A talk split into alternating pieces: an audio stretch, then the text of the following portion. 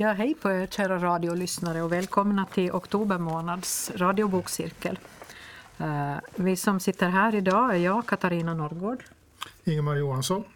Mira Pohjalainen. Och Sune Alén.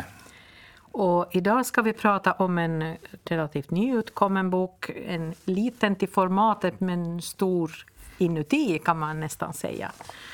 Uh, nämligen Gerda Antis Alla mina dagar och eftersom det är Sune som har önskat den boken så tror jag att han får ta och presentera författaren och boken lite grann. Ja, tack så mycket. Vi har att göra med en, en eh, författarinna, en kvinna, född faktiskt redan 1929, alltså hon har passerat det 90. 90 år. Hon födde i Övertorneå i Norrbotten i Sverige, ett lantbrukarhem.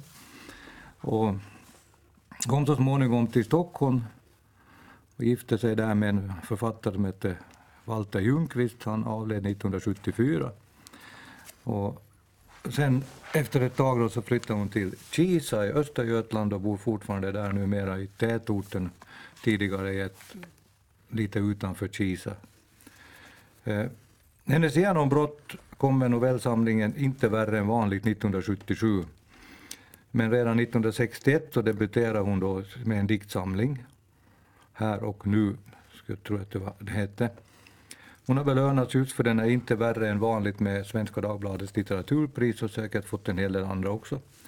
Regelbundna kåserier i Östgötakorren då, korrespondenten. Även engagerat sig politiskt i Centerpartiet i Sverige, kommunpolitiker och landstingspolitiker, nämndeman och allt vad man kan räkna upp säkert. Eh, så om jag räknade rätt när jag var och tittade lite igenom det här så tror jag att hon har publicerat totalt 21 stycken diktsamlingar, novellsamlingar och romaner. Så det är en ganska produktiv författarinna. Hon, han hade en paus där ett tag, men 19, efter 1977 sen så har det i stort sett kommit nog rätt regelbundet böcker av henne. Hon är en av Sveriges mest omtyckta författare som skriver om livet, vardagen. Och den här boken som vi nu ska alldeles Jag behöver titta här och kommentera så är en lite mer lågmäld. Hon är egentligen ganska känd för att vara en ganska bitsk och uh, ha ja, klara synpunkter på saker och ting i livet i de tidigare böckerna som hon har gett ut. Så hon har också fått mycket kritik för sina åsikter, bland annat om feminism och dylika saker. Det om författarinnan Gerda Antti. Ja, det var mm. intressant det där du sa om att hon är så där lite stridbar och, och, och, att hon har, hon, har, hon har väckt debatten det, för det har hon ju. Och då känns ju på något vis den här lilla tunna boken så känns ganska försonlig egentligen. Mm. Lite så här, mm. Den är ganska eftertänksam. Det är, jag vet inte om man, vad man riktigt ska kalla det för, för, vad man ska säga att det är för genre, men det är lite prosalyrik över det nog. Lite, mm. Den är lite lyrisk fast det är inte direkt dikter. Alltså jag förstår också när jag lite försökte sätta mig in i vad det handlar om det här så att i biblioteken så finns den här på, på lyrikavdelningen. Jaha. Så att det, det liksom, den räknas kanske som lyrik men att jag uppfattar det inte riktigt som Ja, liksom metaforiska drag tycker jag. Ja. Det är liksom ja. tänkespråk som man kan mm. fundera lite över. Så funderar jag också på, men det stämmer nog inte riktigt om man har antropomorfa drag för det är väldigt mycket naturbilder för livet. Men det, hon tilltalar aldrig naturen. Hon tycker jag, hon lyssnar och tänker. Mm. Och det är också mycket själ hon pratar. Ja. Själ och, och om inte religion så i alla fall tro. Ja. Mm. ja. En andlighet. Andli, ja, precis. Ja, And, andligt mm. i det. Hon är, då, ja. hon är 90 år, alltså nu vet inte hur gammal hon är när hon skriver men hon måste ju vara i närheten av 90. Hon ja, den är ju nyutkommen, så jo, över 90 kanske. Hon har ju sin, eh, sina, sin tänkespråksbok där vid sängen som hon skriver ner saker i. Mm. Som hon går tillbaka så det måste ju vara en del under en, ja. en viss period här. Ja, det var till och med ett par, ett par dikter eller, eller såna här kortare bitar där hon nämnde det här covid-19-pandemin. Mm. Så. Jo, Så åtminstone en del av de här är väldigt, väldigt nya. Ja, just tyckte om... Du talar om själ. Jag har ett, ett, bara ett tänkespråk här, ett, en rad kan man säga. Hon talar om själens egen lilla bröstbärså. Ja. Precis, jag var- ja, precis den sidan har jag att läsa också. där. Jag tycker, Ja. jag tycker det var jätte... Jo, hon, hade, hon hade liksom... Hon, hon funderar på det. Jo, ja, men det- får, jag, får jag läsa det Jo, högt? För jag tyckte det var fint. Men vanligtvis är jag inte är jag tyst och stilla länge nog för att själen ska få sin plats i sin egen lilla bröstbärså. För att jag ska stanna upp och låta andetagen komma i sin egen takt. Och jag skulle då få tid att känna, känna att ja, känna av att nu, nu snart har själen landat. Ja, nu snart så finns den här i mig. Det, det, är väldigt lyriskt, det är det. Ja. Hon, hon, s- ja, hon stannar upp. Hon vill liksom fånga det lilla och, och liksom blåser upp det. Liksom gör det lilla, eh, det- som inte synes ingenting. Det som man, när man lever sitt medelklassliv i medelåldern och inte riktigt hinner med. Då, det vill hon fånga upp och fastna för och stanna inför och göra större och betrakta och fundera på. Hon har ju någonting där, nu kommer jag inte ihåg, jag har försökt vara lite utmärka det där, men, att jag har inte, men det finns en sak som just tangerar det som Ingemar säger där. Jag tror det får vara just med detta med tiden, där hon säger att den har vi levt med, liksom, men vi var ju inte där. Med tanke på att man hastar vidare och, och rusar på och tänker inte till. Men nu har hon då kommit upp i de åren där hon kanske har all tid i världen att tänka till. Lisa tycker det också kommer fram här då. Tittar på telefonen som inte Ja, ringer. som inte ringer, nej precis. För Jag uppe i himlen finns inga telefoner, skriver hon. Ja. Det. Jag väntar, De på hon att vill någon, prata ja, med. jag väntar på att något ska hända medan jag lägger patiens efter patiens. Liksom. Ja, lite tråkigt. Jo, men alltså det, det, det, jag tänkte att vi skulle prata om, om det kanske lite senare. Vi får se vad, hur, vad samtalet går. Men, men här är vi ju olika. Vi är på olika ställen i livet om man tänker liksom efter födelsedatumet beräknat. Så jag tycker det ska vara lite spännande att höra hur ni uppfattar det. Jag är väl kanske äldst i den här samlingen, jag vet inte riktigt. Ja. Ja, Vi säger så. du, ser, du ser väldigt ung ut. För, Ja, ja, nu, nu är det ju inte tv det här. Så det är liksom bra. Nej, men det, jag tror att den kan appellera på olika sätt till ja. det, det vi... Ja, men jag tycker att det, det skulle, jag funderar på om det skulle fungera som högläsning på ett äldreboende. Eller, eller vill man på ett äldreboende inte läsa om sig själv utan man vill läsa om någonting som piggar upp. Ja, jag tycker faktiskt den piggar upp. Liksom. Ja, det är, eftersom jag nu då anses, eller säger, säger att jag kanske är den äldsta så... jag, jag, jag, för mig var det nog en sån här livsbejakande Ja. text i all sin reflektiva skepnad på något sätt. Ja. Ja. Ja, Jag tror hon- Ja, vi kan prata om det, så vi hoppar lite hit och dit, men en stor del av hennes tankar går ju till gravgården där de förmodligen Ja. har en eller två av sina män som ligger och hon pratar väl med dem på sitt sätt. mm. Ja. Bensinmacken och kyrkogården. Mitt utanför bensinmacken, eller titta på den i alla fall och reflektera. Ja, Kyrkogården som bygdens Folkets hus, det säger de vid något tillfälle. Mm. Det skriver de. ja. Ja. Men det, eh, för det tänker jag, alltså boken heter ju Alla mina dagar. Mm. Men det är ju kanske inte alla hennes dagar. Det är de här äldre dagarna det handlar om ändå. Det är liksom, hon, hon tar inte upp de här dagarna när, när hon var ung och, och rabiat. eller, eller någonting sånt. Utan det är de här äldre eh, eftertänksamma dagarna som, som kommer fram. Och, och det här med att tiden alltid har tid. Det, tyckte, jag- det, det, var, Ja. det var mitt favoritcitat. Tiden har alltid tid.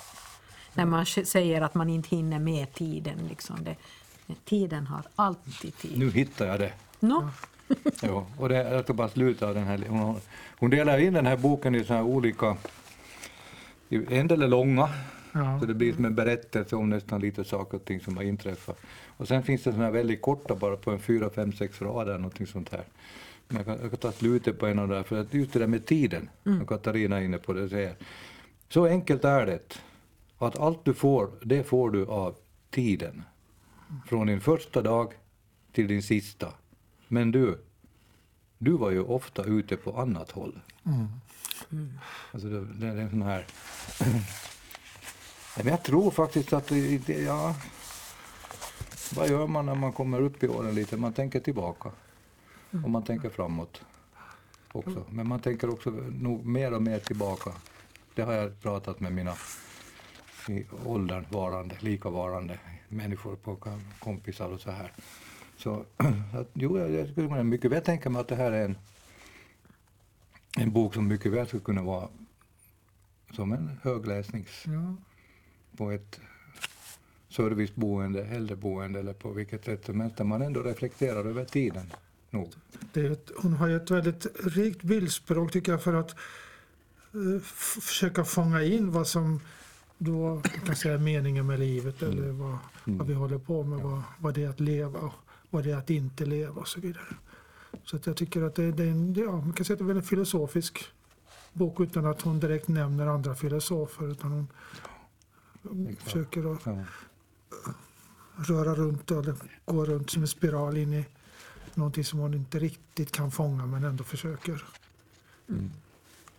Ja, något som jag som då kanske är den yngsta i det här gänget. Så, eh, så det här med tiden så något som jag har markerat här som jag skulle kunna läsa högt är det här med högsta topparna på asparna, det darrar nästan oavbrutet. För hur länge jag nu än har kollat dem, jag sett samma räddhågade darrningar hela tiden. Och ekarna och björkarna och syrenerna omkring dem, de säger till varandra, se nu på asparna igen, likadana jämt. Synd att de aldrig lär sig att ta det lite lugnt, som vi ju gör. För det, det fastnade i mig eftersom jag kanske funderar lite mer på det som händer nu än det som har gått. För man är så uppe i arbetet och man har bråttom och man kanske inte alltid har tid att stanna och fundera. Och därför jag tror att den här fastnade hos mig. Att, att jag kanske är lite för mycket som en asp. att man, man, borde, man borde vara kanske en björk eller syren nu och då. Lite stanna och sluta darra. Men alltså, hon talar ju om tallen. Tallens uppgift är att vara tall. Man kan också ha en uppgift att vara Jo, att vara asp. Ja. asp. Ja. Ja. Det som jag tänkte på, och det var faktiskt nu när vi, vi, vi pratade här lite om boken som vi diskuterade förra månaden, den här Shaggy Bane. Eh, och att vi, vi beklagade oss lite över att det var så väldigt mycket metaforer och mycket bildspråk och vi st- nästan lite störde oss på hur mycket det var. Det är väldigt mycket i den här texten men det stör inte alls lika mycket. Det är konstigt. Det, det gör faktiskt inte. Men det kanske är för att den känns lyrisk. Så man accepterar de här metaforerna som dyker upp. För Hon, har, hon har en hel del nya metaforer som är jo, de är inte någon sån här... eh, schabloner. nej, nej, de är inte. Just det där som att, att vara en, en talls uppgift är att vara en tall. Hon talar om en vän eh, har läggningen nyuppdragen väckarklocka. Ja. Jag tänkte, vad, ja, det låter spännande. Hur är, hur, är man, som- hur är man som person då? ja. Den, den tyckte jag, alltså jag, jag har faktiskt skrivit Ja, är upp den för jag tyckte så om hur är man? Ja, Det verkar som man är på G liksom. man är spänd liksom. Oh! Min tur, snart, nu. Nu, nu, nu, Helst nu. igår. Jo. Har man läst någonting då? Va? Eller vill du läsa? Eh, om den nyuppdragna väckarklockan. ja, vi ska se om jag hittar det då. Eh, så. För den var nog Hon har ju, hon, jag, vet inte om, jag har inte läst någonting av henne tidigare men hon, hon har ju som lite äldre nu då börjat använda svordomar som en liksom, hon prövade också. Mm. Beredd att svära liksom. Ja. Okej, men då tar vi Ja. den där väckarklockan då. Eh, en av mina vänner har läggningen nyuppdragen väckarklocka. Allt hon säger blir det utropstecken efter. Och en annan är alltid kylskåpssval. Om hon nu alls känner någonting eller tänker någonting om någonting, det får man inte veta. Och det här var hennes vänner, det där var ju inte alls snällt Men egentligen. det, hon säger inte namnet på dem. Nej, hon gör ju förstås inte men det var, det var ganska dräpande egentligen. En nyuppdragen väckarklocka och en, en kylskåpssval. Där ska man kanske ha en rolig utmaning om man själv skulle vilja testa skriva något, om man hittar på några helt nya metaforer. Ja, Gå igenom sin vänkrets och hitta på någon, någon eh, föremål eller pryl som beskriver dem alla.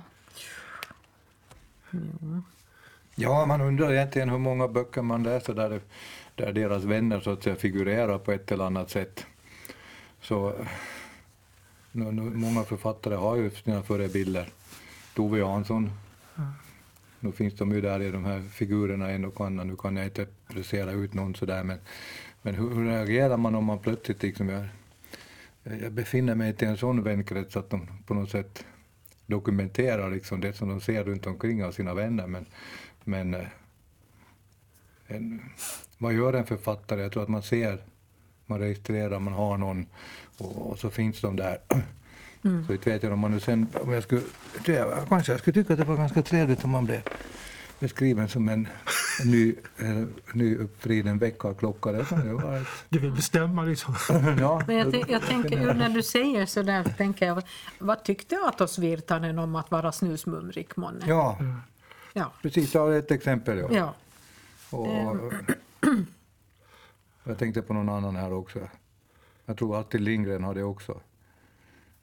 En del. Jo, I jo. sina, så, eller att det finns på något sätt i, i min enkla uppfattning om tingens ordning så det, hur ska man kunna undvika det? Man påverkar sig av de man möter. Det är klart. Varför skulle det vara någonting helt nytt? Man, är det en fantasiföreställning man har att författare hittar på helt nytt? Ja. Men sen nya metaforer. Jag tänker på att du, det där har du någonting att bita i. Att fundera på. Du kan börja med oss här. Ja. Ta det på nästa fest eller så där liknande och säga att ja, vem månne det här är? För så här upplever jag det. Konstnärer vet jag ju samma sak att de har liksom fått för, och, ja. Ja. En annan sån här metafor, som, den är ju lite, hon har lite, lite religiösa funderingar kan man väl säga. Va? Eller själsliga funderingar. Hon talar om Gud och döden och sånt där. Och så talar de om att, att, sitta i knät på Gud. Det är väl inte en Med en drink. Men ja, precis det. och när hon, när hon, beskriver, när hon, när hon känner för en drink, då säger hon nu, nu ska jag gå och sätta mig i knät på Gud. Ungefär så. Mm. tyckte jag var ganska rar, rar formulering. Mm. Som 90-åring så har man, man inte tänka så mycket på följderna. Nej, det är väl så. Och, och hon har just det där också, hon, hon, hon pratar mycket, hon skriver om, om ja, Körgård kallar hon det till och med någon gång. Det är inte bara grav, gravgården utan det är Körgård. På riktigt, sådär, på dialekt nästan. Och, och, och sen är det den där, ja, men hon sitter i sitt kök med sitt kaffe eller, ja, och, och filosoferar lite. Och funderar på Pinkeriet. Pinkeriet, ja. det, det, hon har inga problem med, med att och liksom... Eh, hur ska jag säga? Berätta om sig själv och sina egna eh, svagheter och åkommor. Och, och Hon det är väl ganska... på sin egen kropp för att den inte är riktigt Ja. medgörlig. Men, det, men mm, ja, det är också, det, jag, jag skrattar lite åt just det där pinkeriet. Och sen konstaterar jag att Eh, jag har nog känt många äldre damer, alltså rejält äldre då, sådana här, som, som har varit lite liknande. Inte det så noga, inte måste man vara så hemlighetsfull om sånt här, men det är bara att säga som det är. Och själv är man lite så här mm, okej. Eh, lite väl mycket information, men visst. ja. Men det kanske blir så när man når en viss ålder att man, man slutar bry sig. Man slutar skämmas över sånt, Ja. tror jag. Ja. Kanske, jag vet inte. Det är möjligt. Hon hade någonting här som jag, när, när vi diskuterar på det här sättet så då kommer man ihåg att det där fanns någonting som jag tänkte skulle vara intressant eftersom vi då ändå representerar lite olika både yrkesgenrer och kanske annat.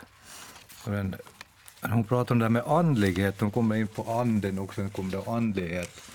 Och sen har hon en liten text där som jag riktar mig då kanske med Tingemar här nu som har då sin bana inom den sakrala världen. Och, och då säger hon liksom att präster får inte prata om, om andar. Pratar de om det så då blir de ju avsatta ungefär. Alltså det finns ett ställe, jag försökte hitta det men jag hittar det inte.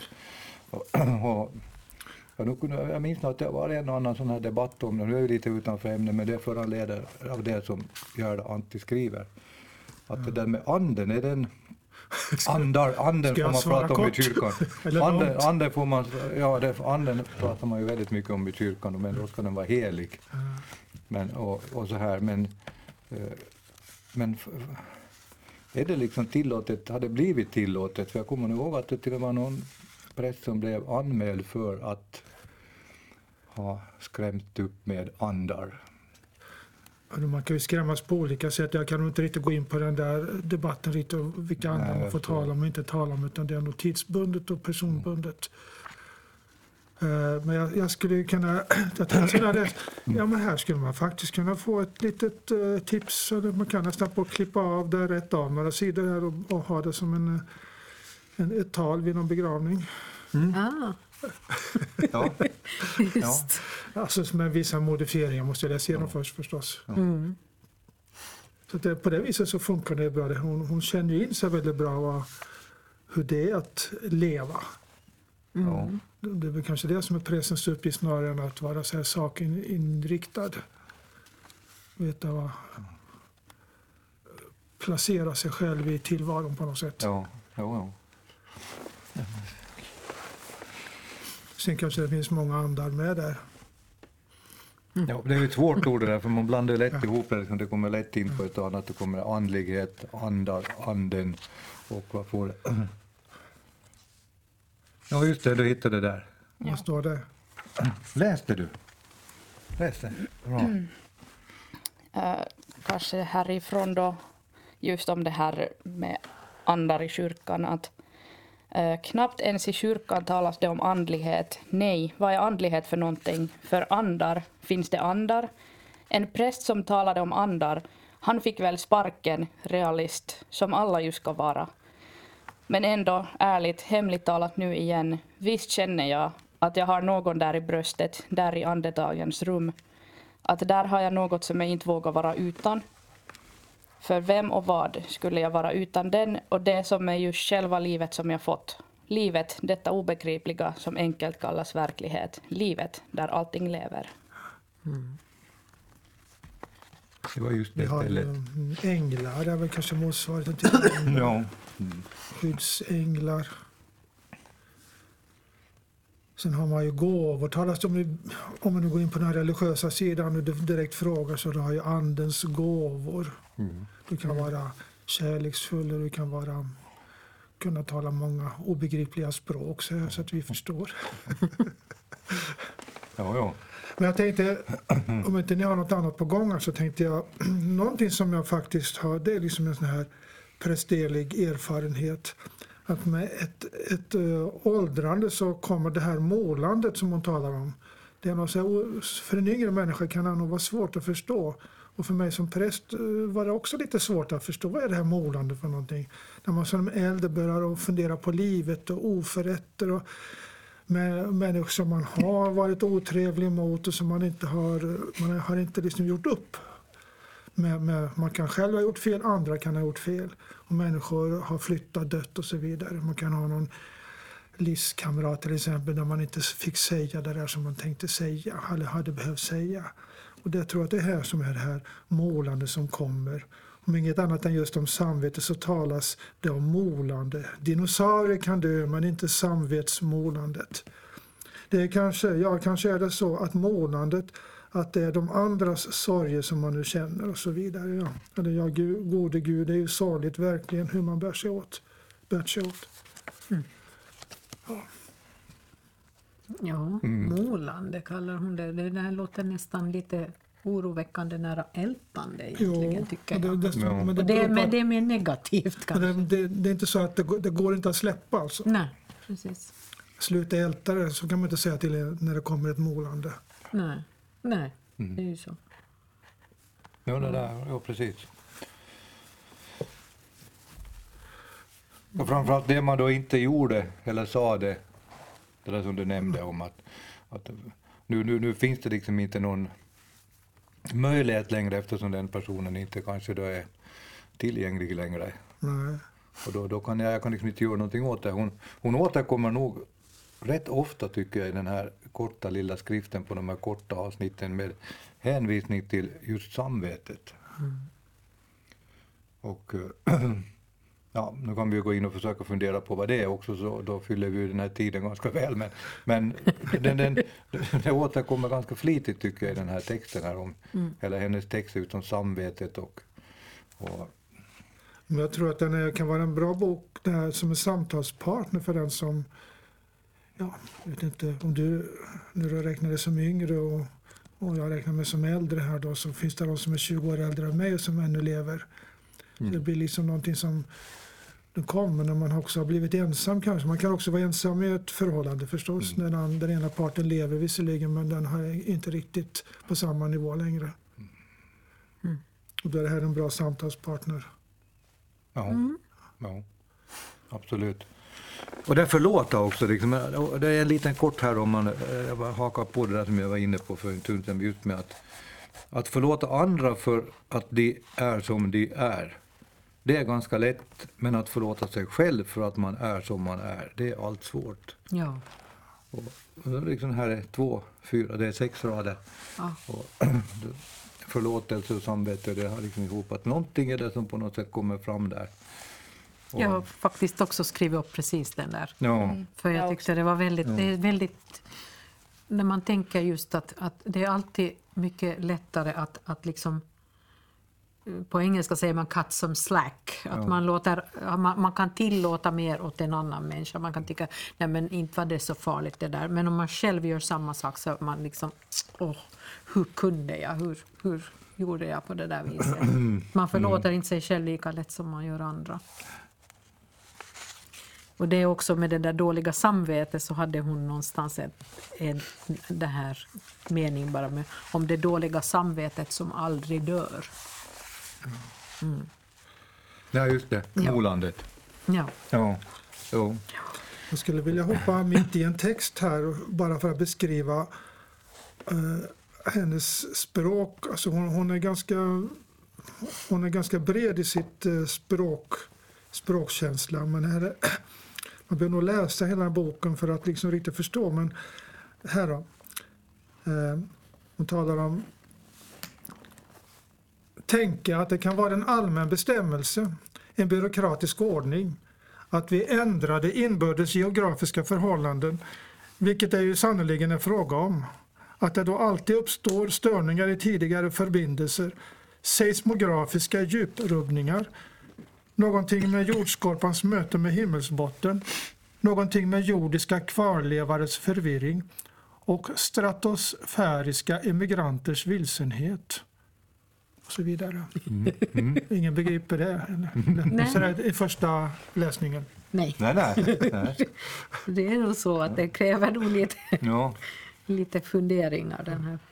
Ja, jag upplevde också att det, det var flera, flera ställen där det var lite så här uh, stream of consciousness. Att, mm. att helt oredigerat och hon har bara skrivit ner det som finns i huvudet just då, mm. utan att fundera på det desto mera. Så det, det var inte alltid så lätt att komma in i den där, att vad, vad försöker hon säga egentligen? Mm. Och sen tror jag att det finns många sätt också att tolka de här, hennes texter på. Att så som du sa precis om det här att beroende på till exempel på ålder eller om man är ensam, att hur man kan så här samtala med den här boken. Så jag tror just att, att människor som läser den här kan uppleva det och tolka det på flera olika sätt beroende på var, var man är i livet och vad man går igenom. Absolut. Så är det. Ja, det, det, det. Som äldre så kan man ju bli väldigt ensam. Man, alltså, ju äldre man blir desto fler eh, är det som inte längre lever. Mm. Och det, det börjar ju redan i ungdomstiden men då, då håller man ändå på och bygger upp bekantskapskrets. Men när man blir äldre så då blir det i hennes 90-års... Ja, det kan inträffa när som helst men för Gerda inträffade då när hon är 90 tittar på telefonen och den ringer inte. Mm. Ingen hälsar väl på heller egentligen. Om de gör det kanske hon inte minns, men vet. Ja. Men Jag tänkte på, på just det där också, så där hade hon en, en ganska vacker sån här tanke som, som jag skulle kunna läsa. Uh, nyss vaken efter lugn natt, jag ligger stilla, känner att jag lever ju. Känner denna gåta som är livet. Och snart så hör jag röster från de länge sedan döda, från de döda som jag nära känt. Från mamma, pappa, från mina karar Olle och Walter. Och alla säger de mycket och allt så vänligt. Och jag bara förstår att de vet att snart så är jag där.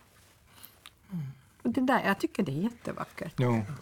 Det är liksom, hon är en accepterande, okej, jag är inte så ung längre, det, jag har inte så långt kvar, men det är okej. Hon har fler, och, fler, fler liksom som inte är i livet än som är i livet, känns det som. Ja, det kan man ju ställa sig frågan, är döden en katastrof eller en möjlighet?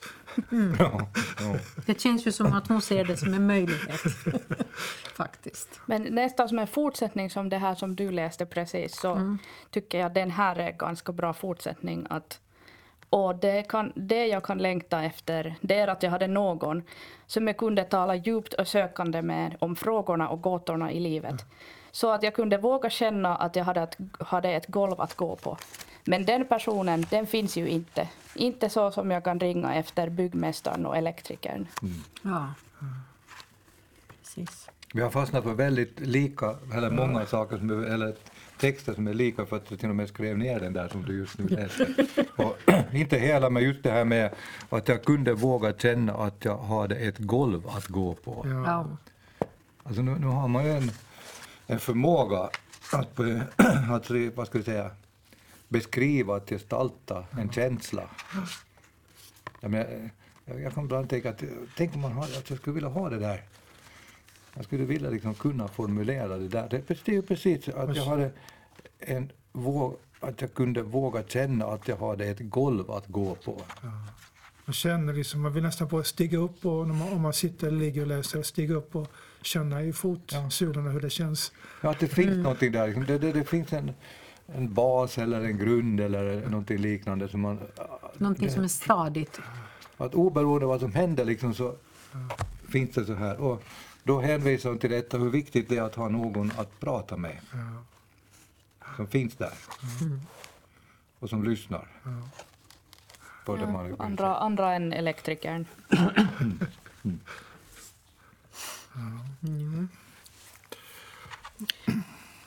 Jag hade annars en, en sak som, det var ju just det där som vi, vi talade om, med att det vi, sån här an, andlig, känsla av andlighet i mycket av det här som hon skriver. Så den är riktigt, riktigt korta som, som är så här. Allt gott kommer ifrån honom där ovan. Och ändå vill vi inte komma dit. Så det är liksom så här viss liten vass humor på samma gång också. Att, jaha, Det är liksom Men en brist där i övergången, Ja, det, i psykets övergång. Alltså. jag undrar om hon har lyssnat på Timbuktu liksom, för att han är ju... alla vill till himmelen men, ingen vill dö. Ja. Ja. Jag tänkte prata lite, eller ville benämna det här om själen och natten. natten. Att själen hör av sig på natten. Ja, Där, där. när hon, alltså det, själen är inte så, så ivrig, inte så stark i rösten. Liksom. Den hör inte av sig på dagen. Utan den, eh, själen hör av sig. Sam, natten samlar upp en förvaringsplats för det som har hänt under dagen ungefär så tror jag hon Mm. Jag vet inte om ni har platsen där, hon, där det står, men eh, själen liksom samtalar med henne på natten. Det är liksom lite vackert, rätt så vackert skrivet. Det är ju alltid svårt att förklara, eller förklara kanske man inte kan, men liksom formulera vad själen skulle, skulle kunna vara. Men det finns någonting där som inte fångas upp av andra fenomen. Eller, Nej, det är riktigt. Ja. så då, då, Ja. då lägger man det kanske i själen, men vad är då själen riktigt? Det, det här, det är kanske det som är... Jag har aldrig varit på en retreat. Det, är- det är väldigt... Jag har pågått, det, har- det det är ett fenomen som har pågått länge, men, men är det det som är retreatens så att säga huvudsakliga målsättning och uppgift? Att, att du, ska, du ska lyssna till det där som kommer, det, är liksom, det blir natt på, under dagen, tystnaden. Ja, man kan uppleva precis vad som helst. Alltså. Jag har varit ute, på, varit ute och flugit på retreat. Man ligger på golvet och så känner man att man lyfter och far omkring. Ja. Jo, men just det men, men vad, vad är det som händer på natten? Ja. Då, till exempel varför kommer drömmarna då när du sover? Liksom? Det kommer ja, någon olika sorter som du inte kan förklara, inte ens komma ihåg. Men det, jag tror mycket på det här med tystnaden. Men det är ju inte tyst idag. Jag kan rekommendera ett besök på, på en kväkarsammankomst. De sitter ju tysta en timme. Mm. Mm, det är ett, en, någonting för vår tid. Det tror jag säkert absolut. Fast det kanske, kanske verkar lite Ja. passé på ett sätt, men ändå Mm. så är det ju, Mm. när någonting har varit passé tillräckligt länge så då blir det liksom bra igen. Ja. Ja, vad händer på natten? Ja, det är frågan den. Den synliga skuggan och den osynliga själen. Ja. Man är aldrig ensam så länge som man har sin skugga med sig. Nej, det var också en, Det var alltså, det, det, den här Ja, boken är full med sånt där Ja, som man vill citera. Jag, Ja. jag satt och läste högt för min stackars 16-åriga dotter igår kväll. Hon bara mamma. Mm. jo men den här är jättebra. Vi tror ju inte på Gud längre. Men vinner man i Postkodlotteriet då ropar alla Åh herregud! Ja. Ja, ja. Jaha, okej. Får jag gå och lägga mig nu? ja. Hej då. ja. Men det var en sak som jag funderar på när man skriver en bok. Jag tänkte faktiskt skriva till Gerda Antti och fråga detta nu. Jag brukar göra det till författare när jag får någon sån där konstigheter. Så skriver jag, men jag får svar faktiskt. Och, men jag är väldigt besviken att en viss Knausgård, kommer ni ihåg, inte har svarat på mina frågor. Men eh, han, har, han har ju mycket annat att göra, kan man tänka. småbarn. Ja, ett liv att skriva böcker framförallt med många sidor i. Så det, nej, men jag, tänkte, jag tänkte faktiskt skriva till Gerda Antti och fråga att när man skriver en bok och ger den en titel Alla mina dagar, har man då tänkt att man ska skriva något mera böcker, flera böcker? Risken finns ju. Det är liksom en sån där att är det här nu ett testamente liksom, är det här en, ett avslut på, och nu tonar jag ner också kanske mina lite tidigare eh, kontroversiella och andra åsikter som har kommit fram i tidigare böcker. Att är det här liksom ett äh, avslut? Ja, men nej, det blev aldrig av att skriva till Gerda Antti, men det, det är faktiskt, det skulle jag ha önskat. Jag gör det nog, men Mm. Åka och hälsa Ja, på. hon lever ju fortfarande. har ju absolut Kan göra en utflykt. Var, var, var, var sa du att hon bor någonstans? Kisa i Östergötland. Kisa, Östergötland. Svärmet. Mm. Ja, det är inte långt dit, nu kan man besöka. Ja. Kanske det är bättre att skicka en mail. Men det skulle vara intressant att kunna ha det liksom här nu på något sätt kunna förmedla vad, Mm. vad- att vad vill du med den här boken? Ja, det är att beskriva vad jag tänker och tycker och känner och så här, men, men liksom alla mina dagar, det blir en sån här, ja, Det känns ju som att, menar hon att det inte kommer flera? Ja. Ja, Men, ja, det vet ju inte jag heller vad hon menar. Nej, man, nej, man för det finns liksom en underrubrik där med ett litet sånt där streck att det är så här långt. Utan, eh, Nej.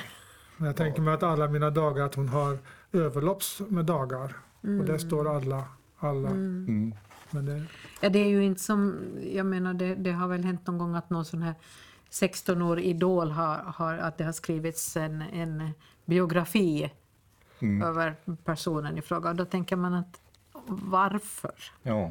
När man har levt i 16 år så det är ju inte direkt ett helt liv. Men jag menar Gerda Antti, hon har definitivt levt ett, ett liv. Absolut. Hon har mycket Ja. att berätta. Eh, Som 16-åring kanske man inte har det. ja, vet Gerda någonting som vi inte vet? Det Av de 90 åren menar du alltså? Som har, som, ja. Men gör blir, man, blir man visare med åren, alltså, är min, egentligen min fråga. Det är Ja. en filosofisk fråga. Det tror jag inte. Det här, hon, Det- vet hon vet fruktansvärt mycket mer än vad dagens människor inte vet. Nämligen, hon är, man född 1929 så är det, eh, har man ju ett liv, som, jag säga att de minst då kanske någon gång från 1934, 35 liksom, så har hon ju klara minnesbilder av. Ja, men, vad fanns inte då som finns nu och vad är det vi använder idag och lever utifrån idag? Och även kan du säga på den moderna tiden, efterkrigstiden. Så hon har ju enormt mycket att ösa ur som inte jag har, kan eh, på det sättet föreställa mig. Jag hade jag har äldre släktingar som jag talade med om eh, som var född kanske i slutet, för 30 tror jag. Mm. Så började jag fråga om hur det var med nyhetsförmedlingen och Tyskland och så här. Ja, det fanns ju inte radio kanske riktigt så bra då på den tiden. Så det tog ju ett par veckor innan man fick information. Ja. Ja, och så var hon ju förstås väldigt ung också då, i början på 30-talet. Men sen när hon blev, sen det blev 40-talet så då var de ju 10, 10 år åtminstone, Mm. 15 år. Och då började man att, i den miljön i alla fall, att kunna lägga örat mot den dåliga radioapparaten och försöka lyssna lite vad de sa där. Mm. Så det är ju en, en, ett, man är ju nästan lite, vad blir man? Man blir rörd, imponerad av ett, så, ett liv som omfamnar så mycket tid och händelser.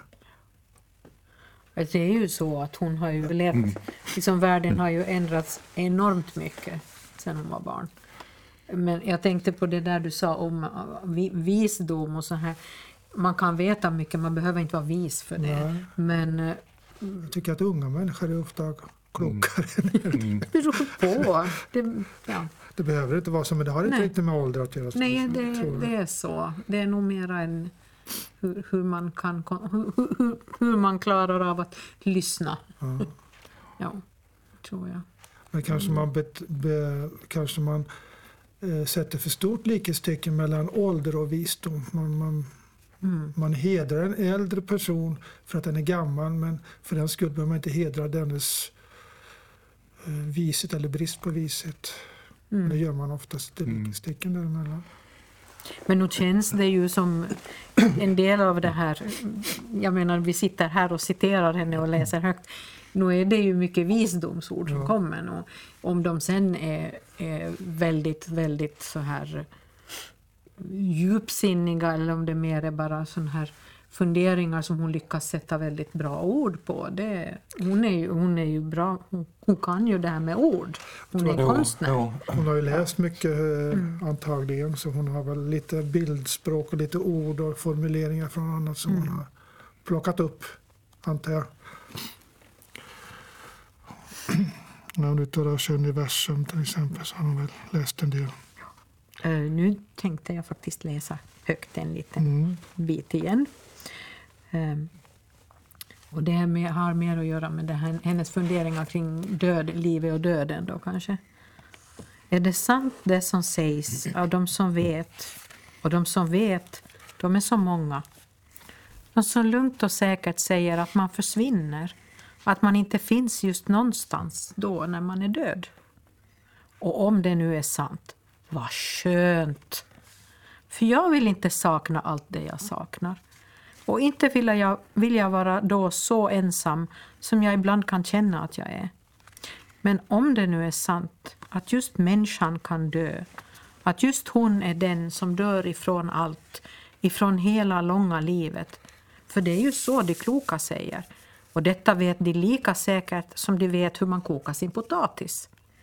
Men om man jämför livet med att äta mat, då är det ju så att de har en potatissyn på livet.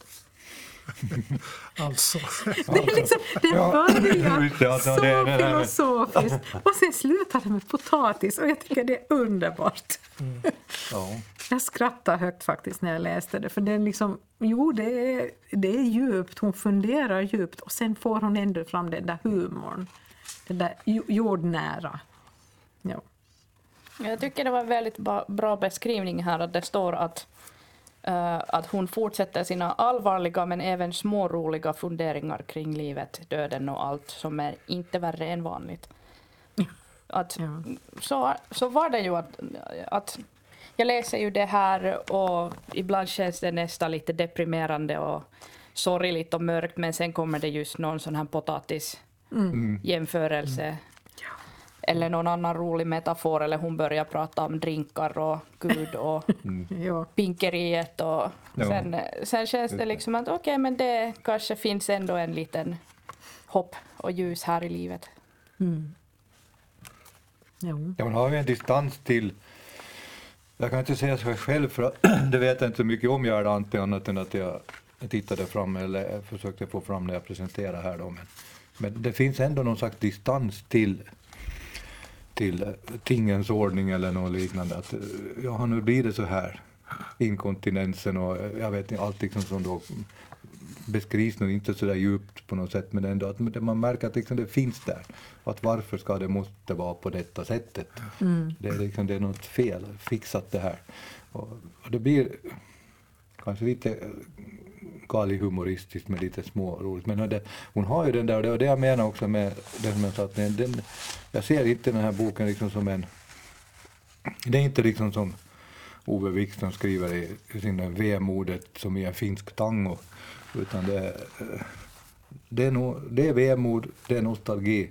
Men hon har liksom en lust att leva.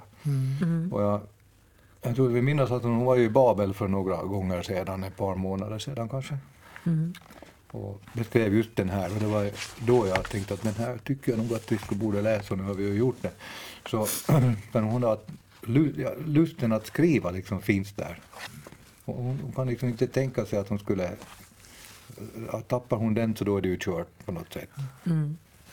Och då blev det min fundering att det är liksom alla mina dagar, men det kommer det säkert en bok som heter Och några till. Eller, eller något, ja, jag, jag vet inte, men liksom det, det är en...